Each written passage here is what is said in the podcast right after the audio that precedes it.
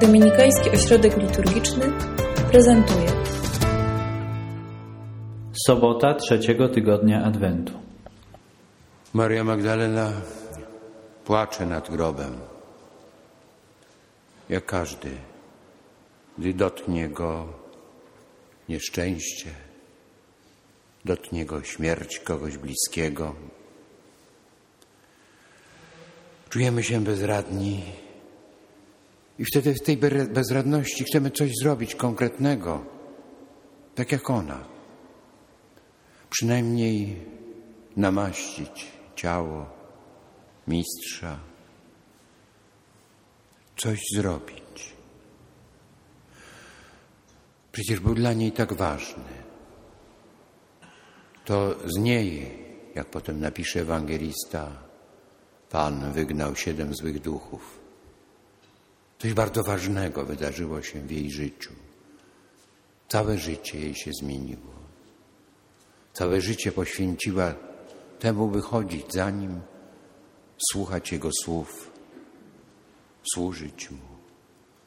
A teraz każda śmierć jest niespodziewana, ale jego szczególnie. Jego, który był prorokiem, którego witały tłumy i którego tak dotkliwie ubiczowano, zbito, ukrzyżowano. Bezradna, zapłakana. Chce coś zrobić. Zagląda w czeluść ciemnego grobu. Jacyś biało ubrani. Mówią jej, czego szukasz. Jakby nie wiedzieli, czego szuka człowiek zrozpaczony. Ale ona chce wieść dalej. Chce coś zrobić. Odwraca się, widzi kogoś, nie poznaje i woła: Może ty ogrodnik jesteś? Powiedz, gdzieżeś go zabrał? I wtedy słyszy coś, czego się nie spodziewała. Swoje imię Mario. I wie już, kto to powiedział. Bo to nie jest imię, które wyróżnia jednego spośród tłumu. To jest imię, o którym ona wie, że to jest imię, które pokazuje jej prawdę jej życia. To jest imię, które wypowiada ten, który jej ukazał jej, kim ona jest naprawdę.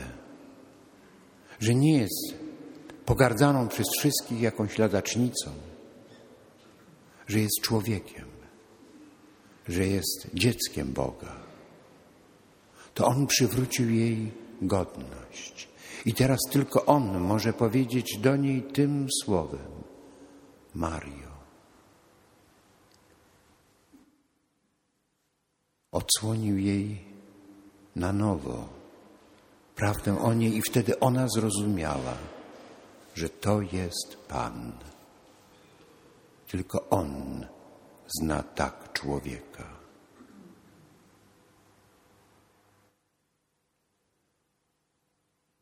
I mówi jej: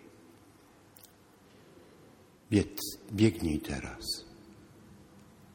Dobrze, że mnie rozpoznałaś. Ale nie będziemy się teraz radowali z tego, bo przed nami jest bardzo ważne zadanie.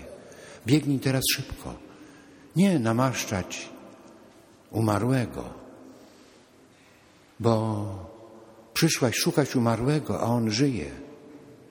Idź i powiedz o tym uczniom. To ona, nie uczniowie, to ona pierwsza ujrzała żyjącego, zmartwychwstałego. To o niej potem powiedzą, że jest apostołką apostołów. Pan ją posłał, bo bardzo kochała i odkryła w nim całą prawdę siebie. Nie po to, żeby się sobą zachwycić po latach pogardy i nędzy, ale po to, żeby iść i nieść dalej, by już nie zajmować się sobą, by światło zmartwychwstania obiegło cały świat, światło nadziei i mocy. Jakże często w różnych bardzo sytuacjach my tak biegamy z rozpaczy, żeby coś zrobić, żeby zapomnieć o tym, albo żeby siebie pocieszyć. Pochylamy się często nad jakąś ciemnością. Może właśnie, rozważając tę tajemnicę na różańcu, prosimy, żeby ktoś dotknął nas, powiedział: Odwróć się, zobacz, nie patrz do grobu, obejrzyj się, on żyje. Może to właśnie ten sposób, w jaki Matka Najświętsza prowadzi nas do żywego Chrystusa, który odkrywa nam prawdę naszego życia i posyła, byśmy nieśli światło